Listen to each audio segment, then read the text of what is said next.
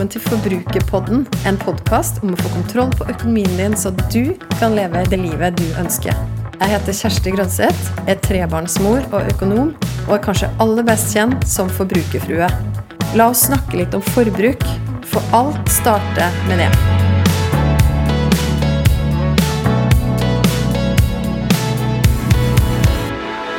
Du vet den følelsen du har sånn på tampen av en deilig sommerferie, og du kjenner at du begynner å kanskje krible litt i kroppen etter å komme tilbake til en ny høst og en ny hverdag, og du ser for deg alt det du skal få gjort, du ser for deg, og du begynner å skrive lista over ting du nå skal ta tak i, og du kjenner at du har fått ned pulsen og fått tid til å reflektere og tenke over hva som betyr noe, og du er klar for å sette en ny kurs for en ny høst. Og så boom! Så er mandagen etter ferien der, logistikken er i gang, og plutselig så føler du deg litt fanga i nettopp hverdagen din, og ferien, den føles som den lenge siden du har vært på.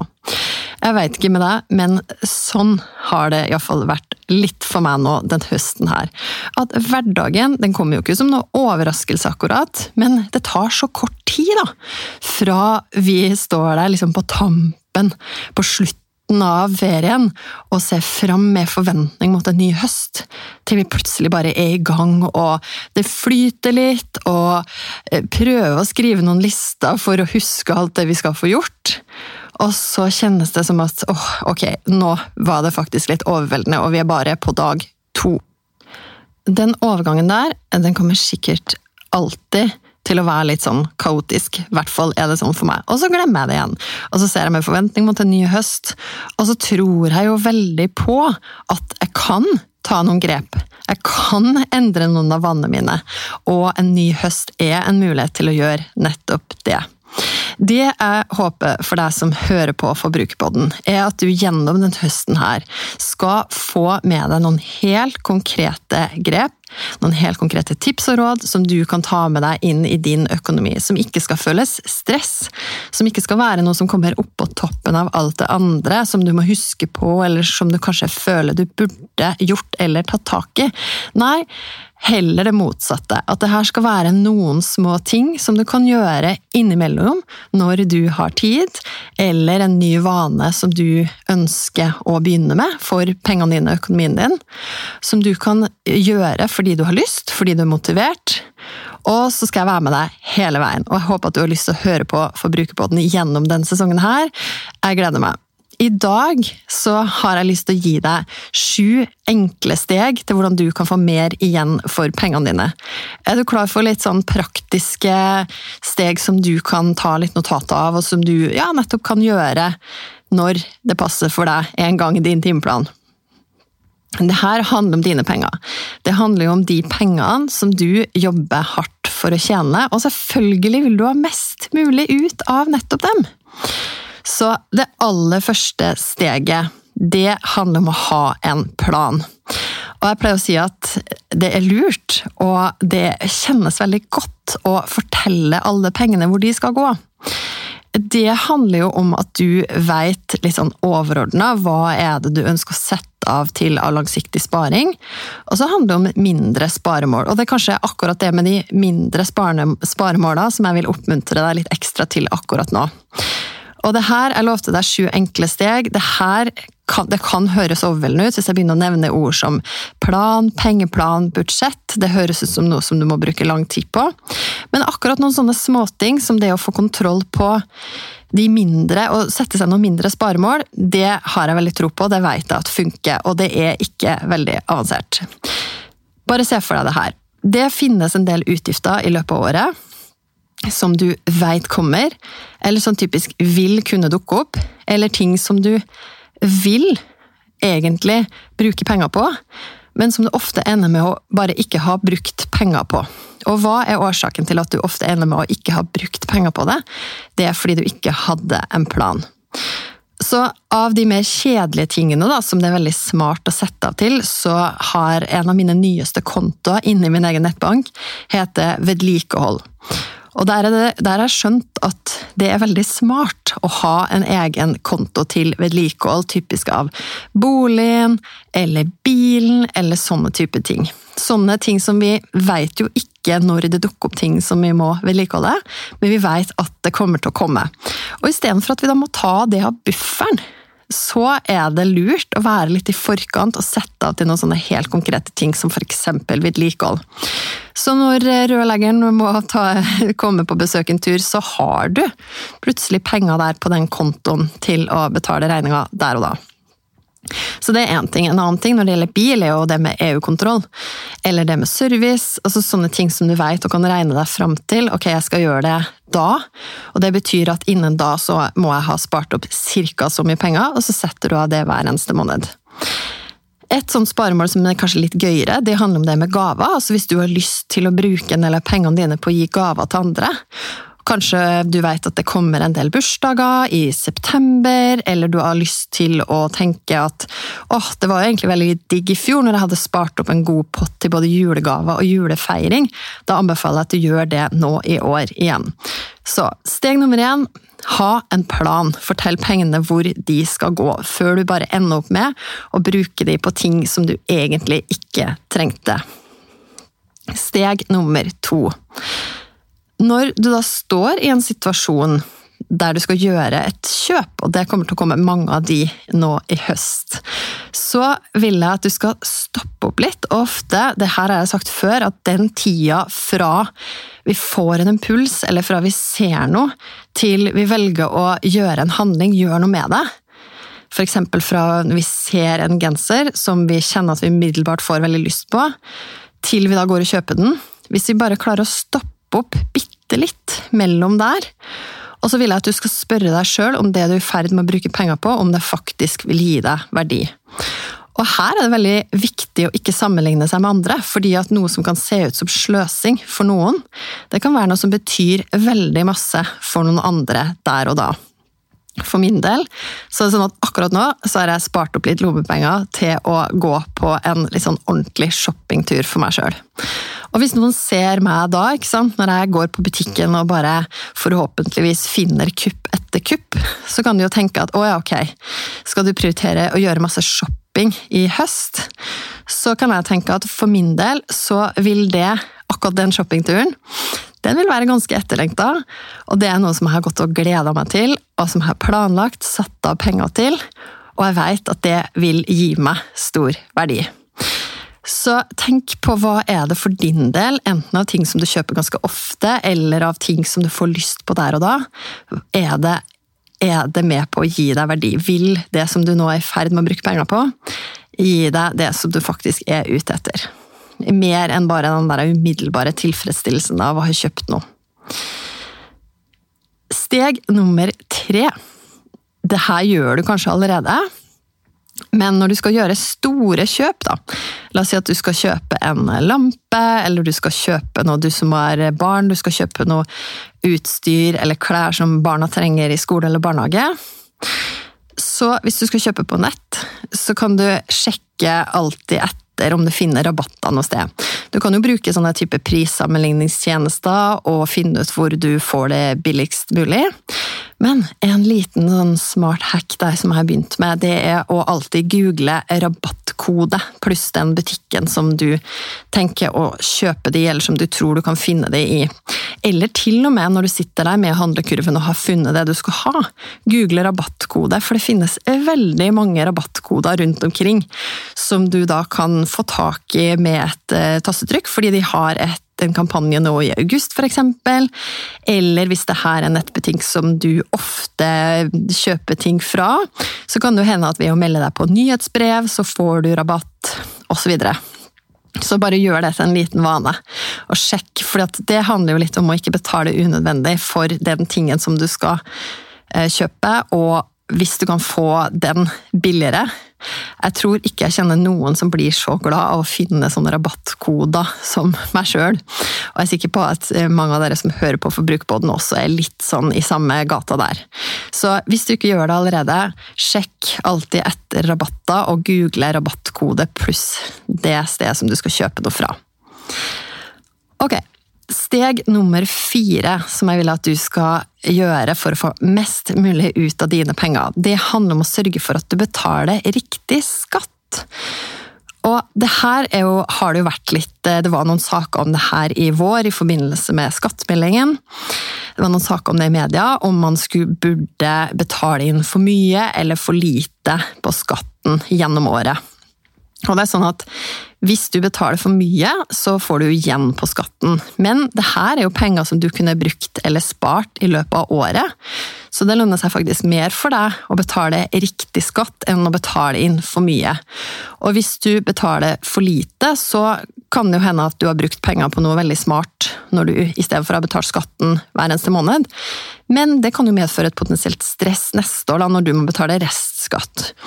Så verken for mye eller for lite skatt, men det handler om å betale riktig skatt, sånn at du faktisk får utbetalt det beløpet som er riktig.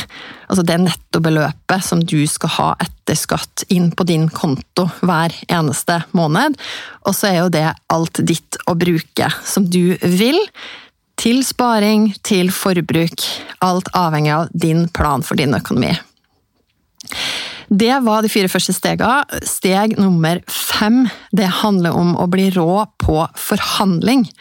Og Da kan du tenke at ok, forhandling er ikke det et helt fag? Og jo, det er det, og det blir rå på forhandling. Da kan man jo se for seg noen sånn Petter Stordalen, som jeg snakka om i forrige episode, og jeg leser boka hans 'Endelig mandag'. Han snakker om det med forhandling og hvordan man kan, kan gjøre en god deal. Men du trenger ikke å bli sånn Stordalen-forhandler, men du kan lære noen av hans prinsipp og gjøre noen enkle grep, og noen, kanskje noen nye vaner som du kan tilegne deg. Det jeg mener, er at du forhandler jo, eller har mulighet til å forhandle pris f.eks. med banken din på boliglånsrenta, du som har boliglån, eller med strømleverandøren din om prisen på strømmen din. Og trikset her da, er jo å vite hva motparten eller den du forhandler med, ønsker. Og så er det også triks å vite at du har et reelt alternativ. Så det de ønsker, sånn som banken, strømleverandøren, de ønsker jo mest sannsynlig å beholde deg som kunde. Og du, du kan jo bytte leverandør hvis du er i den situasjonen at du kan det. Så her handler det om å skaffe deg kunnskap, og jeg pleier å anbefale finansportalen.no. Der finner du jo veldig mange ulike sammenligningstjenester. Det samme gjelder også på ja, ulike, Du kan gå inn på finansportalen.no, så finner du ulike sammenligningstjenester der. Og Der finner du ut om du kunne fått lavere boliglånsrente f.eks. et annet sted enn den banken du har i dag. Jeg vet at veldig mange av dere har gjort det her allerede, og det er jo ikke bare det at du da får mindre kostnader i måneden, mindre utgifter, men det handler også om den følelsen som det gir deg når du har skaffa deg kunnskap og brukt det i en forhandling overfor banken og sagt at enkelt og greit Hei, det her er det alternativet som jeg kan få, tilbudet som den og den banken kan gi meg. Kan dere matche det?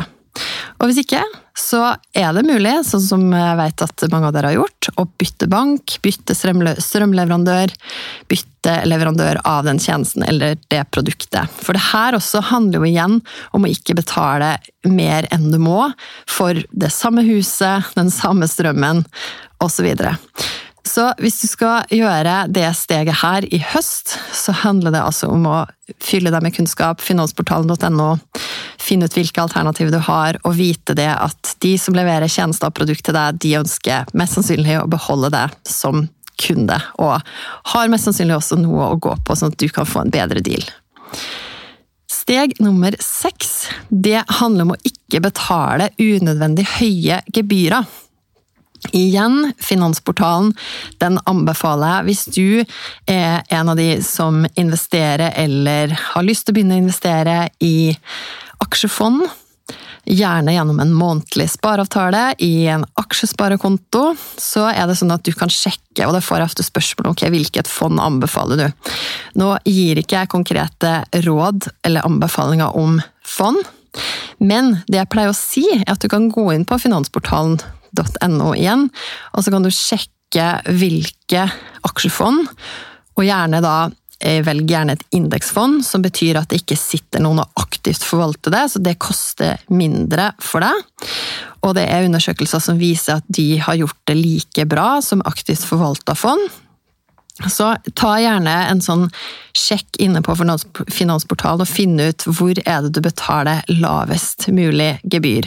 For du ønsker jo ikke at eh, noe av peng, eller du ønsker jo at så lite som mulig av pengene dine skal bli spist opp av unødvendig høye gebyr.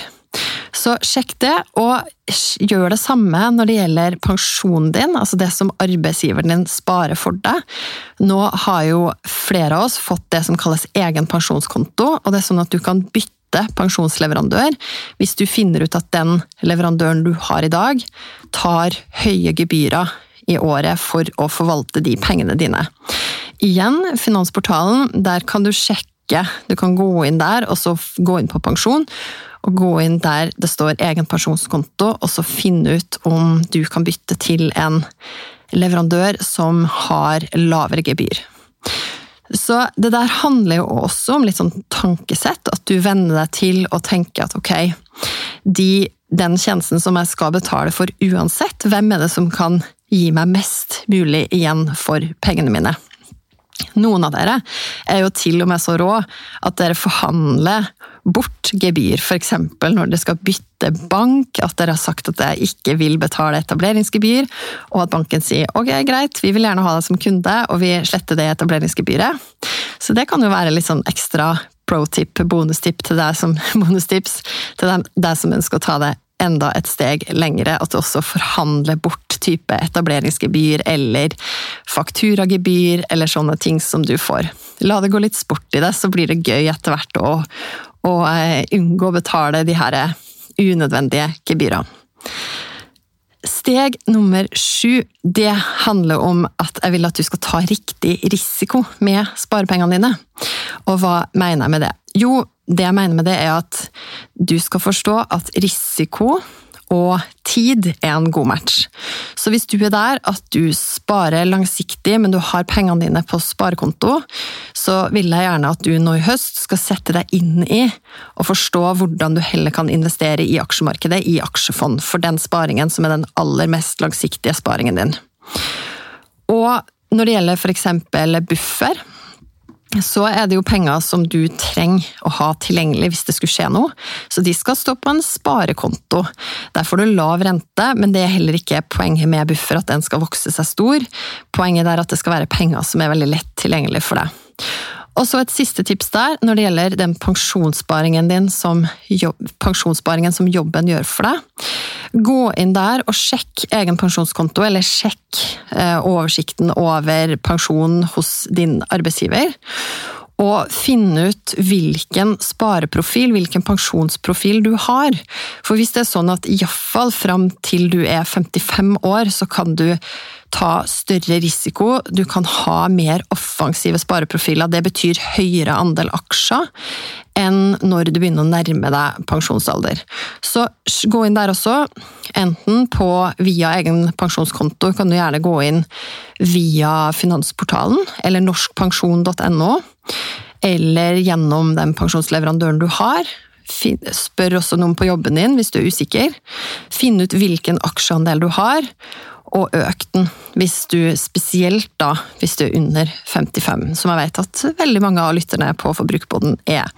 Så de fleste av oss vil kunne ha eh, vil det kunne være lønnsomt for å øke aksjeandelen, og vi har mulighet til det, fordi at har, det er risikabelt å investere i aksjemarkedet, men risiko og tid er en veldig god match. Så hvis det er mange år igjen til din pensjon skal tas ut, så vil det mest sannsynlig lønne seg for deg å øke aksjeandelen. Så det var sju enkle tips. Sju enkle steg til hvordan du kan få mer igjen for pengene dine. Sånn konkrete ting som du kan gjøre. Jeg oppsummerer det kjapt. Det første handler om det å ha en plan. Gjerne en plan for alle pengene dine, gjerne et budsjett. Men spesielt også de tingene som du vet at du ønsker og trenger å sette av penger til, som f.eks. vedlikehold eller gaver. Nummer to, spør deg sjøl om det du er i ferd med å kjøpe vil gi deg verdi når du står der og får lyst på noe. Nummer tre, når du skal gjøre store kjøp, sjekk alltid rabatter og google rabattkoder. Nummer fire, sørg for å betale riktig skatt. Nummer fem, bli rå på forhandling. Nummer seks, ikke betal unødvendig høye gebyr. Og nummer sju, ta riktig risiko med sparepengene dine. Og med det så vil jeg ønske deg en god dag. Jeg håper du kan spole litt fram og tilbake i denne episoden her og notere ned det som var spesielt nyttig for deg. Og så vil jeg som alltid høre hva som traff deg spesielt med episoden, så send meg gjerne en melding på Instagram eller en mail på heiatforbrukfrue.no. Og gi meg gjerne også noen stjerner, det setter jeg veldig pris på, eller legg igjen en kommentar der du hører på podkast, så blir jeg veldig, veldig glad for det. Jeg vil gjerne vite hva du tenker etter å ha hørt episoden. Så koble med meg på Instagram. Der finner du meg som forbrukerfrue. Send meg en melding. Tagg meg gjerne i Story og del episoden her hvis du likte den. Eller send meg spørsmål. Og husk å abonnere på podkasten Forbrukerpodden, så får du beskjed hver gang det kommer en ny episode. Vi høres!